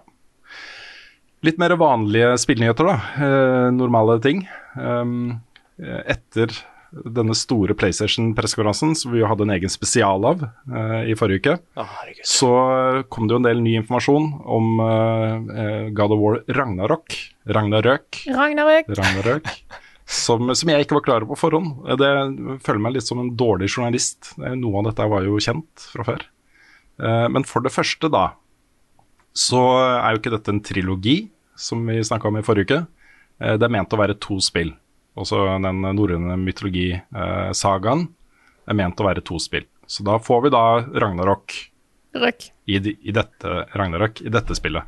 Så, um, så det var den ene tingen. Den andre tingen er jo at, uh, at um, Cory Barlog, som jo er hjernen bak uh, moderniseringen av God of War, er jo ikke regissør av oppfølgeren.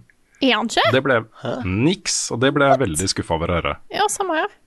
For det har jo vært hele tiden sånn Når han har kommentert uh, oppfølgeren av God of War på Twitter, så har det jo gjengangeren vært der 'never heard of it'. Never heard of it. Og så la han ut melding om at han hadde hørt om det uh, etter at nyheten ble kjent. men men det, det bekymrer meg bitte litt. Ja. Det må jeg innrømme. Det gjør det. Det er et eller annet med den fintfølelsen han hadde i de nære øyeblikkene i God of War, som gjorde det spillet til den klassikeren det er. da. Eh, så det krever, det krever eh, god forståelse av hva som faktisk funka. Altså den, eh, den hemmelige ingrediensen i God of War for at oppfølgeren skal ha like stor impact. Så litt bekymret, men jeg tror fortsatt det blir et fett spill også. Så han har ikke noe å si for historien i det hele tatt, liksom? Jeg tror nok at i arbeidet med God of War så ble det nok tegna opp outlinen til hele sagaen, liksom. Alle arkene til de forskjellige rollefigurene, i hvert fall de viktigste. Uh, Atreus og, og Kratos. Eh, men eh, jeg, jeg tror ikke den historien er detaljert. Altså, jeg tror ikke den er skrevet ut. Og Det er derfor jeg tenker at det er en eh, ganske betydelig oppgave. Da. Det å finne de nye, eh, de nye uh, punktene i denne arken som gjør at man sitter her med klump i halsen eller, eh, eller eh, hjertet eh, dunker ekstra hardt. Også alle de tingene. De store øyeblikkene, liksom. Som eh, jo det første spillet var proppfull av. Det var så mange sekvenser der som man liksom hadde skikkelig impact, da. Uh, og det er uh, Det tror jeg ikke har, han har vært involvert i, alle de i hvert fall. Men okay. jeg håper at det er kanskje noen av de. da. Så, um, så vi får se. Den andre store tingen fra God of War Ragnarøk um, uh, greiene på pressekonferansen var jo hvordan Thor ser ut i spillet.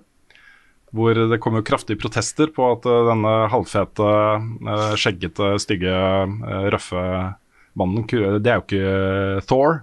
Thor skal jo være sånn, han skal være Chris Hemsworth, ikke sant? Muskuløs og Marvel har ødelagt norrøn mytologi. Ja. Nei, dette er jo også Thick, thick Thor, som han også blir kalt nå. Det er jo litt sånn han ser ut fra norrøn mytologi. Altså Innmari glad i øl og festing og spise og, eh, og sånt. Men han ser jo livsfarlig ut på den eh, konsept, også den eh, character-bildet som er lagt ut av Thor. Dette er ikke en fyr jeg har lyst til å slåss med. ass. Møte en mørk bakgate. Nei, fy fader. Så ja, det er blitt en veldig delt ting, da. Noen som vil ha Chris Hemsworth, en kjekk Adonis, mens uh, mange da sier at dette er fett. Jeg syns han er kul. Ja, jeg syns han ser kjempekul ut. Ja. Hva syns du, Nick? Ja, jeg liker det du designet veldig godt. Ja, ikke sant? Uh, mest også fordi at han, han Han har the mountain build, på en måte. Han er bare en svær kar. Mm. Og han bryr seg ikke hvordan han ser ut. Han, han bare elsker å slåss og spise og ha det fett. liksom. Jepp. Nei, jeg syns også den var veldig kul. Og så syns jeg det var dødskult å se Tyr i den traileren. Det var liksom Nei, Tyr Jo, eh, krigsguden. Det er Tyr, er det Ja, ikke? det er Tyr. Ja. Ja. Han har to hender. Hva betyr det? Mm. Hva betyr det? Han skal Vent, hva sa du nå? Nei, I norrøn mytologi så har jo Tyr bare én hånd, så hvorfor har han to Ja, her? ja, ja, ja. Jeg trodde du var liksom overraska over at en person hadde to hender. Jeg tenkte sånn, hva er det jeg har mista her nå? Eh, De fleste har jo det. Jeg har to hender. ja, det er derfor jeg bare datt litt av det. Men ja, ja, ja. ja. Og så er jeg, Men jeg er så spent fordi den første Nei, ikke den første. Uh, Historietraileren til det første spillet, eller det forrige, de var så flinke med å ikke spoile. Mm. Uh, og da lurer jeg liksom på at ok, hvis de allerede nå har liksom både vist det med Freya og Tyr, hvor tidlig er det her i spillet? Mm. Hvor mer crazy kommer det til å bli? Mm. Nei, jeg er så Ja. spent. Veldig, veldig spent. Jeg, jeg, Spesielt når du sier at Kåre Barlog ikke står bak eh, regien her, så jeg er spent på om de holder på den derre eh, no cut-greiene de hadde i første spillet, blant annet. Jeg tipper at de beholder den, altså. Fordi eh, det er på en måte så sentralt i, i, i innpakningen. Og det er den andre store kontroversen, eller den tingen da, som folk har reagert på eh, etter den traileren, er at det var en av jeg, jeg hater å jeg, jeg tar aldri og retweeter eller å svare på eller å booster den type meninger, for det er ikke noe vits, liksom. Jeg syns altfor mange gjør det, da. At de skaper sånn storm i vannglass. Det sitter liksom én dude der med en, en mening som mange er uenig i, og så bare booster de den voldsomt, og så blir det sånn her kriging, liksom. Men øh, det gikk jo på at øh, animasjonene og sånt så jo helt likt ut som de forrige spillet. Så, men det kommer det til å gjøre. Altså bruken av uh, Leviathan Axe og uh, no cut-kamera og sånne ting. D- Alle de tingene kommer til å være med. Dette er en direkte oppfølger av det forrige spillet. Har de Jeg så ikke det var spilt en God of War 1 og 2? Jeg så det var en som tweeta òg at uh, akkurat den der animasjonen der uh, som er, En av de som ble trukket fram, var at Kratos hoppa opp i båten. Uh, mm -hmm. At eh, den animasjonen brukte de nesten et år på for å få korrekt. Og da skjønner jeg godt at de har lyst til å holde han eh, med, ha han med i neste spill. Altså. Absolutt. Nei, vi, eh, vi gleder oss, men det er vel kanskje da eh, hakket mer stressa enn vi har vært. For det, dette har jo vært et sånt spill som bare er helt oppe der med Ellen Ring og de greiene der, liksom. Eh, men, men for meg så tok det et lite hakk ned, altså, når jeg fikk vite at Corey Barlog ikke er i- involvert. Ja, men det vi, må jeg vi må gi han nye en sjanse. Hvem er det han eller hun? Hvem er det det er? Du, det glemte jeg å eh, notere meg. Men vi må gi denne personen en sjanse, ikke sant? Mm. Yes. Og så blir jeg jo veldig veldig spent på hva Corey, Corey Barlog faktisk jobber med. da.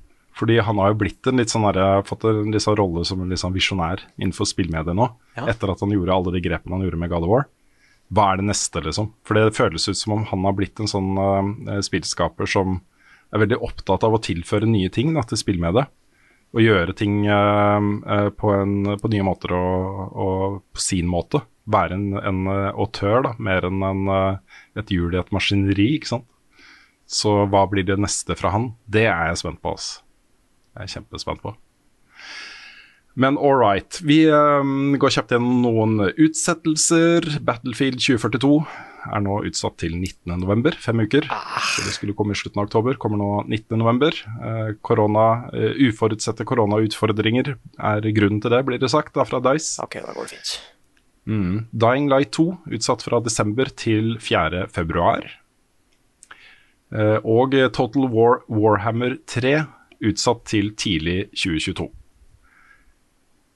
Og så har vi da eh, Jeg kan ta Switch-saken først. Det har kommet en oppdatering til Switch, hvor du nå kan da koble til et Bluetooth-headset. Eh, det har kommet en oppdatering til PlayStation 5, hvor du nå kan legge inn en ny SSD-disk. Så dette er jo to eh, tillegg i OS-et der som mange har venta på.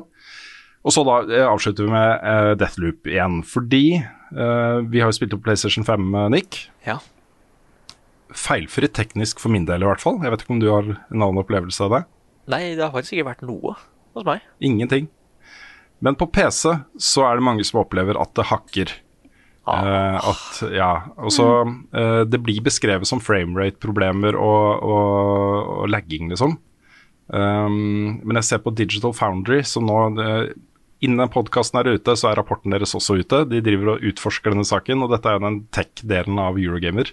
Som går inn og uh, sammenligner eh, forskjellige versjoner av spill og finner ut hvem som kjører best, og hvorfor en versjon ikke kjører så bra som den burde gjøre, og sånne ting. da. Veldig sterk teknisk kompetanse.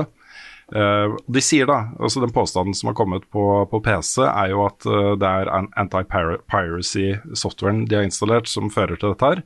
De sier at det ikke stemmer. Det de sier er at det handler om kombinasjonen av bruk av mus på PC eh, eh, og ikke-standard FPS-oppsett. Så det de sier er at hvis du kjører da eh, i 60 f.eks., 60 FPS, så vil du ikke oppleve like mye hacking eh, som det folk rapporterer om. da. Så eh, et tips hvis du sitter og spiller dette på PC, kan jo være det. Uh, Arcane Lyon sier jo at de jobber for harde livet med å fikse problemet, så kanskje til og med patchen er ute før uh, podkasten er ute.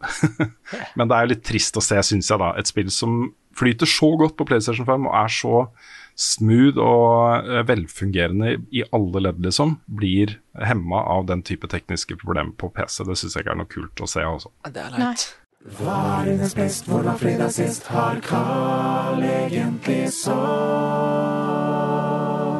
Ukens spørsmål.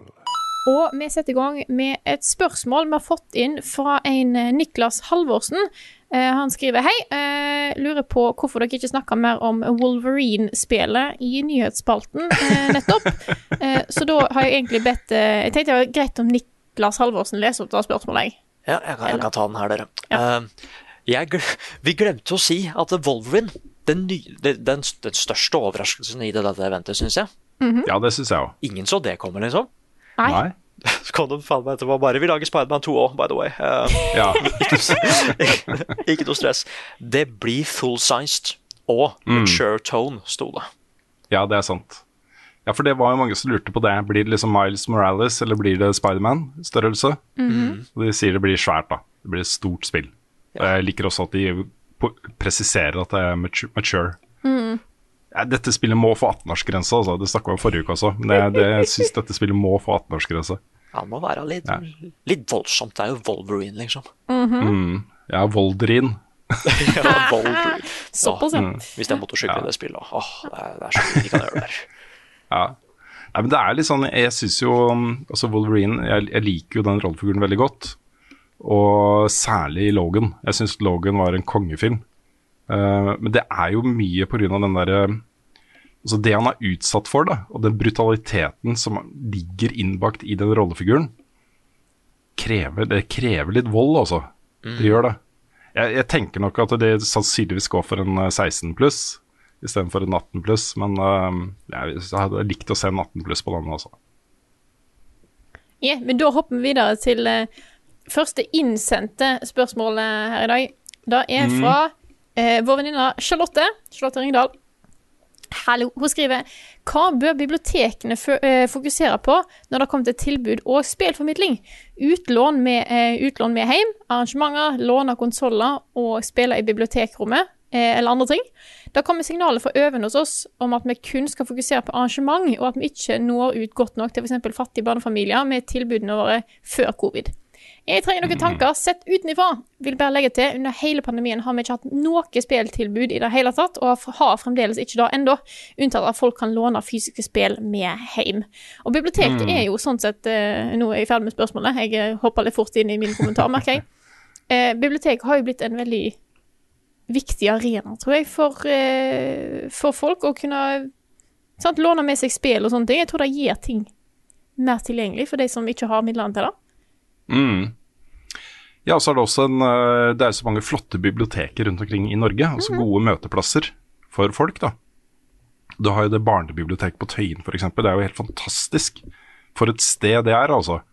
Det er, der har jeg sett mine unger flere ganger, og jeg vet at det brukes aktivt av veldig mange barnefamilier i byen her. Eh, Så har du nye Deichman-biblioteket i Bjørvika, som er bare et, Det bare være der er amazing. Og de har så mange flotte eh, konferanserom og saler og alt mulig rart. De kan gjøre så mye gøy der, da. Um, og jeg tenker jo at um, bibliotekets fremste funksjon er jo å være en kunnskaps- og kulturformidler eh, for folket, også fritt tilgjengelig for eh, alle innbyggere, på en måte. En kilde til å lære seg ny kunnskap og eh, oppdage nye eh, ting, liksom. Eh, og det bør jo, syns jeg, da gjelde for eh, spill også. Eh, og jeg tenker at hvis det er snakk om unge mennesker, så er det utrolig mye interesse blant unge mennesker på ting som er spillrelatert. Og det går på sånne ting som å eh, bygge sin egen YouTube-kanal. Um, få litt uh, innsikt i liksom den mer kulturelle siden av spill, kanskje. Hvor eh, det er en, en ganske betydelig gruppe mennesker da, som oppdager på en måte at et, et spill er mer enn Fortnite og Minecraft. Eh, når de er sånn 14-15-16. Um, og for liksom Carls generasjon så var det Final Fantasy 9 og den type spill. Um, og så har man eh, hele tiden da, den type spillopplevelser som utvider spillinteressen til folk. Der mener jeg bibliotekene bør ta en, en sentral rolle da, i å formidle spillkultur eh, for unge mennesker. Um, også workshops, tenker jeg, kan være innmari, innmari kjekt altså. Mm. Um, både gjelder Twitch-streaming, YouTube, eh, spillutvikling, eh, modding av spill uh, osv. Der, der ligger det et potensial, tror jeg, til å nå ut. Nå vil jeg også, her eh, Forslaget mitt vil avhenge litt av hva, eh, hva midler som bibliotekene har tilgjengelig, men det går jo an å hvis, de har hvis det er tilgang på litt datamaskiner, så går det an til å ha komme og bygge det kuleste huset i Minecraft eller sånne ting òg. Bare sånn for Mm. å ha en liten turnering eller konkurranse der, da. Eh, Mm. Og så har bibliotekene en ganske stor fordel i, ved at de er biblioteker, og seriøse, og gratis, og et trygt sted å sende ungene sine. Ja. Så det å ha liksom type, om ikke LAN-parties, så i hvert fall liksom spillsamlinger med, med litt sånn, ikke faglig og pedagogisk, men at det har litt tyngde, da. At ikke det bare er nå skal vi sitte og drepe hverandre i Smash, men at det kan være liksom noe mer. Så tenker liksom foreldre sånn åh, ja. Dit kan jeg fint sende ungene i fem timer, liksom. Det går eh, kjempebra. Dette er jo bibliotek, og det er seriøst og et godt program og sånne ting. Så, så der har bibliotekene en iboende eh, fordel, altså, i, i arbeidet med å nå ut til barnefamilier som jo er opptatt av disse tingene. De vil jo liksom gjerne sende ungene på, på ting som både er gøy og nyttig, da. Så um, uh, det er kanskje noe der.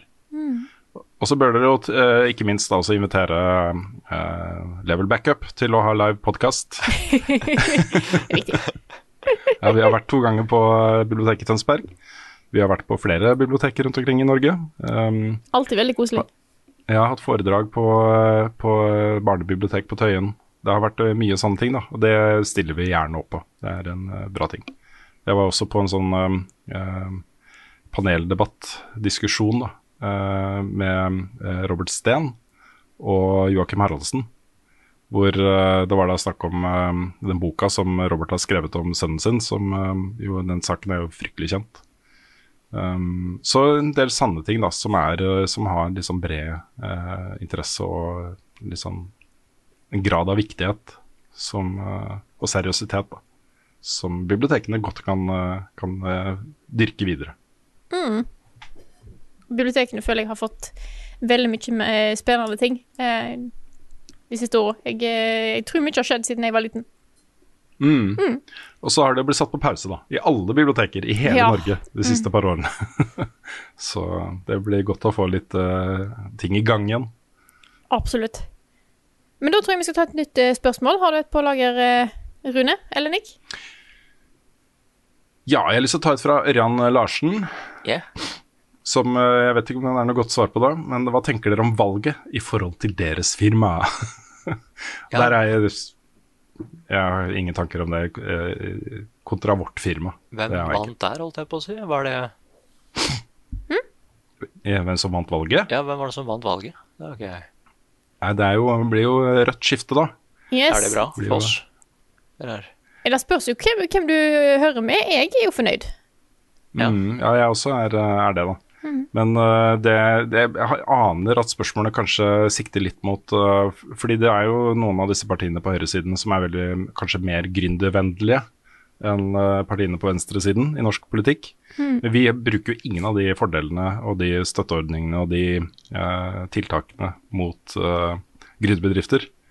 Øh, faller litt utenfor fordi vi har økonomi til å holde på, liksom. Men eh, det, det kommer ikke til å ha noen øh, direkte betydning på eh, daglig drift hos oss, det skiftet. Eh, ikke bruker vi ja, vi har Maskinene våre står på litt mye, da, kanskje. Kanskje det blir litt begrensninger på strømbruk og sånt etter hvert. Men eh, Nei, jeg, jeg tror nok ikke det skal ha mye å si for oss sånn firmamessig. nei. Ikke som jeg vet Går om til ennå, i jobben, ja. ja. Går eller tar buss til jobben, ja. Ja. Mm. Eller bare setter meg på ræva i kontorstolen i stua. da er håper jeg miljøvennlig og vi går og kjører rundt, ja. Mm. Yes, nei, men Da tror jeg vi skal ta Skal vi hoppe til T. Har du, har du et spørsmål på lager, Nick? Hvis ikke kan jeg ta et? Jeg har også et lite et. Ja. Eh, Det er fra skal vi se, Anders eh, Lønning på Facebook. Hun spør av alle tids... Åh, det er- norske, norske ord for tidsloop her. Jeg skal, tidsløyfespillene som har vært i det siste. Hvilken liksom, tidsloop ville vi vært fanga i? Oi. Ja, den er vi, vi kan si alle spilla. For hvis det er de som er nå, så er det jo bare ett svar, føler jeg. Men uh... Ja, det må, det må bli Outer Wilds. For min Ja, del, altså. samme her. hva, hva er det? Outro? Ja, men Spoiler, du har jo bare 20 minutter. Ja, men tenk deg da, tenk deg å få vært i eh, og så reise fra planet Det er jo det, det, er, det, er det jeg har lyst til å gjøre i Ja. virkeligheten. Jeg har, lyst på, jeg har lyst til å ha mitt eget romskip som har muligheten til å fise, fise liksom rundt i universet. Det er jo Det er bedre enn 12 minutter, for der har du jo bare 12 minutter. tolv minutter. Og, eh, og Eternal, der du eh, må slåss mot monster. Ja. At Wild er en ganske chill opplevelse i forholdet, vil jeg si.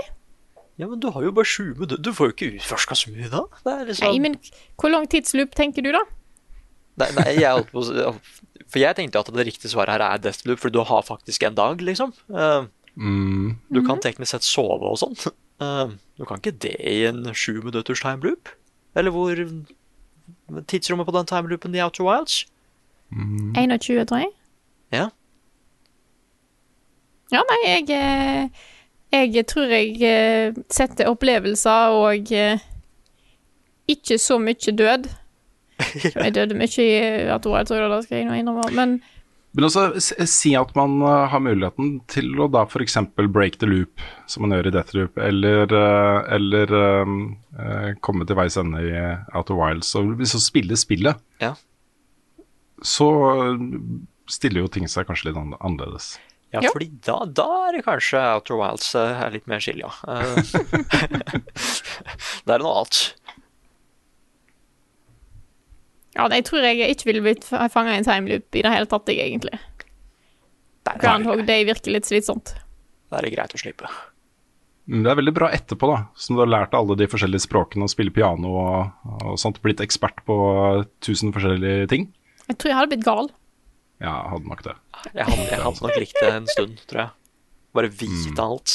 Ha full kontroll og sånn. Ja, det gjør jo, det gjør jo hovedpersonen i Groundhog Day også. Det er en liten fase der hvor alt er fett. Jepp. Kan jeg ta et eh, spørsmål? Ja, gjør det. Fredrik Syverstad eh, spør da Har dere noen tips til hvordan man kan fremstille seg selv på best mulig måte på jobbsøknader slash jobbintervju?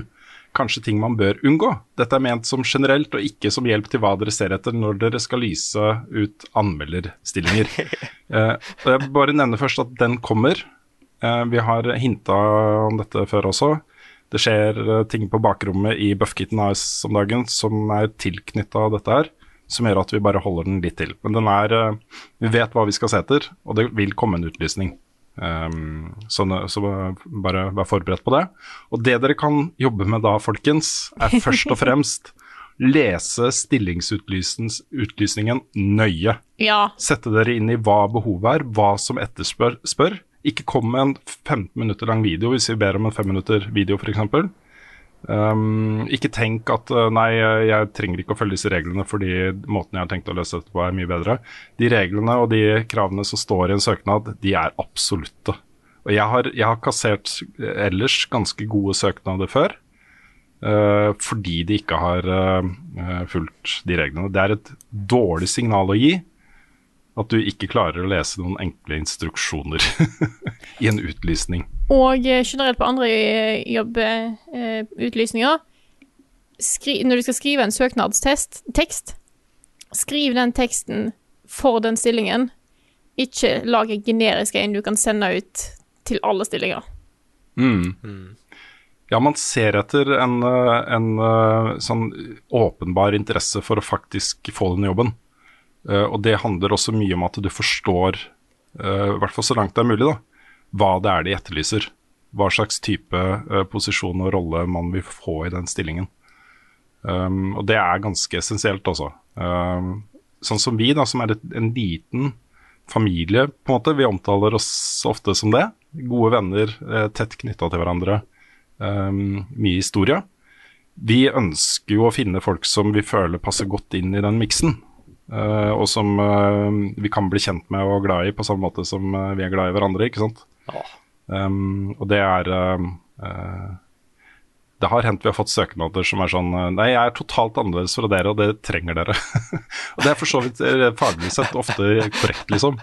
Men, men jeg, jeg tror du har kommet ganske langt hvis du på en måte tenker at vet du hva, den gjengen her virker ålreit, liksom. Jeg kunne godt tenkt meg å ha vært en del av den gjengen. Selv om jeg er opptatt av andre ting enn de og uh, har uh, ekspertise på andre områder enn en vi har, da. Så forstå arbeidsplassen så godt det lar seg gjøre, er liksom trinn én. Og så tenker jeg at du må være ganske klar over dine egne ferdigheter, da. Og ha litt selvtillit på, på de. Um, Vær engasjert og motivert. ja, det er, det er kjempeviktig også. Um, ikke søk på masse jobber du egentlig ikke har lyst på. Uh, selv om på en måte du kan uh, bli glad i en jobb etter hvert. Uh, det, det hjelper veldig også, hvis du brenner litt for å få den stillingen. Hvis det er viktig for deg, og det kommer fram i, i det du sier. Så utover det har jeg ikke så veldig mange tips. Jeg mm, tenker at, eh, at eh, folk skal få lov til å være forskjellige og eh, seg selv. eh, og mm, i hvert fall ikke eh, late som om de er noen andre enn de er. Um, Jeg eh, har ikke så mye tips å komme med. Jeg har vært på ett jobbintervju i mitt liv, eh, og jeg har hatt tre jobber. Så, eh, til og med ikke til level up, så hadde jeg et jobbintervju. nei, det er sant, det. Nei, jeg trodde jeg Nei, skulle på et jobbintervju, og så var det bare sånn funker stillingen-intervju. Ja, ikke sant. Nei, men du, det var du, søknaden, da. Du har jo skrevet søknad. Ja, ja, det er sant. Ja. og fikk jo jobben pga. søknaden. Yes. Jeg vil bare dratt inn. Ja, du, Rune sa vi skal ikke snakke om jobb engang. Og så bare Ja, men hør her. Ja, ja, ja. Nei, men det, det er jo sånn, sånn som skjer av og til. ja, ja. Jeg har jo lest hundrevis av søknader. Mange hundre søknader har jeg lest. Men jeg er ikke noe ekspert på det, jeg heller. Jeg er ikke noe sånn derre tradisjonell så Jeg fryser litt på ryggen når jeg hører folk som tar sånn personlighetstester og, og sånne ting, liksom. Det syns jeg er litt ubehagelig å tenke på, da. Det er veldig vanlig i noen av de store bedriftene som, er, som mange i mitt fagfelt søker hos. Mm. Da syns jeg høres litt teit ut. Yep. Men, eh, ja. Men eh, jeg vil òg si eh, Du trenger ikke å bruke en evighet på å få CV-en din til å se dritbra ut, og se ut som en designer har laga den. Men vær sikker på at det som står der, er korrekt. Mm. Kan dette bare ta et siste kjapt spørsmål? Siste kjapt spørsmål er lov. Ja. Um, det er fra Tommy Kumar Glessy Glessnes. Eh, prøver igjen med et spørsmål. Jeg er for tiden i Nei, skal vi se, det var ikke den. Beklager, jeg rekker ikke å ta det spørsmålet. Nei. Uh, jo, da, jeg tar det kjapt, da. Okay. Tror du vi noen gang kan se min favorittserie Max Payne til PlayStation 5? For han sier han er i Brasil, og der er det lett å få tak i PlayStation 5 og spill. Oh. Uh, og så Max Payne 4 uh, lurer han på om kommer. Det kan hende. Ja. Jeg tror vi først får se et uh, Alan Wake uh, 2, og så er jeg litt usikker på hvor lisensen til Max Payne ligger nå. For det var jo Er ikke ikke det Rockstar? Remedy. Ja, Rockstar er nok den. Det var jo ikke Remedy som lagde Max Payne 3. Ja. Så, men uh, kanskje, kanskje, kanskje. kanskje. Eh, Men spørsmålet jeg vil svare på er da fra Jonas Heitmann, som eh, eh, har oppdaget et problem som er ganske betydelig i Destiny-universet. Han har nylig kjøpt Beyond Light til Destiny 2, betalte 399. Er det ikke da riktig av meg å forvente å få alt av content den expansion gir, i stedet for å måtte oppgradere til Beyond Light Deluxe for 300 kroner ekstra, da for å gjøre quests fra tidligere sesonger i Beyond Light? Og Det er nesten umulig å forstå hva man faktisk bør bruke penger på hvis man skal inn i Destiny 2 nå. Um, hvis du kjøper da eh, Beyond Light, så får du den aktuelle, gjeldende sesongen og eh, grunnhistorien da, i Beyond Light. Men alt, alle questene som har kommet imellom, det er mye exotic quests og en del content på eh, story og sånne ting i, sesongene imellom, som da ikke er en del av det. Eh, og det er litt shitty, syns jeg også. Og ikke minst så eh, tenker jeg at eh, mange oppdager etter at de har spilt en stund, at de burde ha kjøpt den der deluxe-utgaven som gir deg tilgang til alt, fordi det sparer du penger på. Istedenfor å kjøpe først en sesong, og så en til, og så en til, og så baller det på seg og blir mye mer penger, da. Um, hvis du er skikkelig gira på Destiny 2 har tenkt å bruke penger på det, så anbefaler jeg å kjøpe deluxe-utgaven. Eller vente til uh, The Witch Queen, uh, for da tror jeg at tidligere uh, seasons og sånne ting vil bli satt ned i pris. At det vil bli lettere og billigere å kjøpe en samlepakke med absolutt alt enn det er i dag.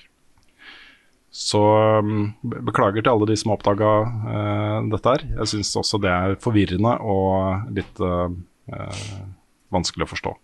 Jeg har aldri hatt det problemet, for jeg har alltid kjøpt deluxe-utgaven av de store expansionene. Da får du alle sesongene det året, eh, påfølgende året, året og alt innholdet, liksom. Og så trenger jeg ikke å tenke mer på det. Spill har blitt for tungvint å kjøpe. Ja, det har det. Ja. Uten tvil. Vi har gått vekk fra alle disse her 13 ulike utgavene av et spill i det det kommer ut, med ulike skins og alt du får med, men eh, det virker som det blir litt tungvint etter hvert. Mm, det gjør det, dessverre. Åh, nei, men skal vi ta en runde av der? Jeg kan informere at eh, det ser ikke ut som Carl har våkna helt ennå. Eh, og derfor har vi ikke fått noen Delta Rune-reaksjon. Han elsker å høre oss snakke om at han sover lenge. Han, han det er det. beste han vet. Ja, Nei, han liker ikke det. han gjør ikke det. Nei, men det, det, så glad, da. Ja, han gjør det. det er jo mest for eh, Nå har han fri, da har han lov til å sove så lenge han vil, tenker jeg. Ja, ja, ja. Yes. Jeg har hatt med Carl på møter eh, tidlig på dagen mange ganger, så eh, Han kan stå opp. Det har aldri vært et problem til podkasten. Så absolutt. Men da tar vi runde av. Dette her er podkasten Level Backup, utgitt av moderne medier. Låten i introen og outroen er skrevet av Ole Sønnik Larsen og arrangert og framført av Kyoshu Orkestra. Vignettene er lagd av fantastiske Martin Herfjord. Du finner mye mer innhold fra oss på youtube.com slash levelupnord og twitch.tv slash levelupnord, så bare gå inn og eh, like and subscribe and all that eh, jazz. Eh, vi har en Discord. Discord.gg slash levelupnorge og en eh, shop. Den heter levelupnorge.myspreadshop.no. Tror jeg. Det er i hvert fall det jeg har fått inn i hodet mitt. Det kan være det feil, men forhåpentligvis er det det. Ja, ja. Eh, og støtt oss gjerne på Patreon Patreon.com slash levelupnorge. Det er det som holder oss flytende. Så tusen takk til alle som støtter oss der, altså. ja, tusen takk. Det er uh, amazing. Nei, men da tror jeg vi tar og eh, runder for denne uka. Tusen takk til alle som hører på, og så snakkes vi igjen neste uke.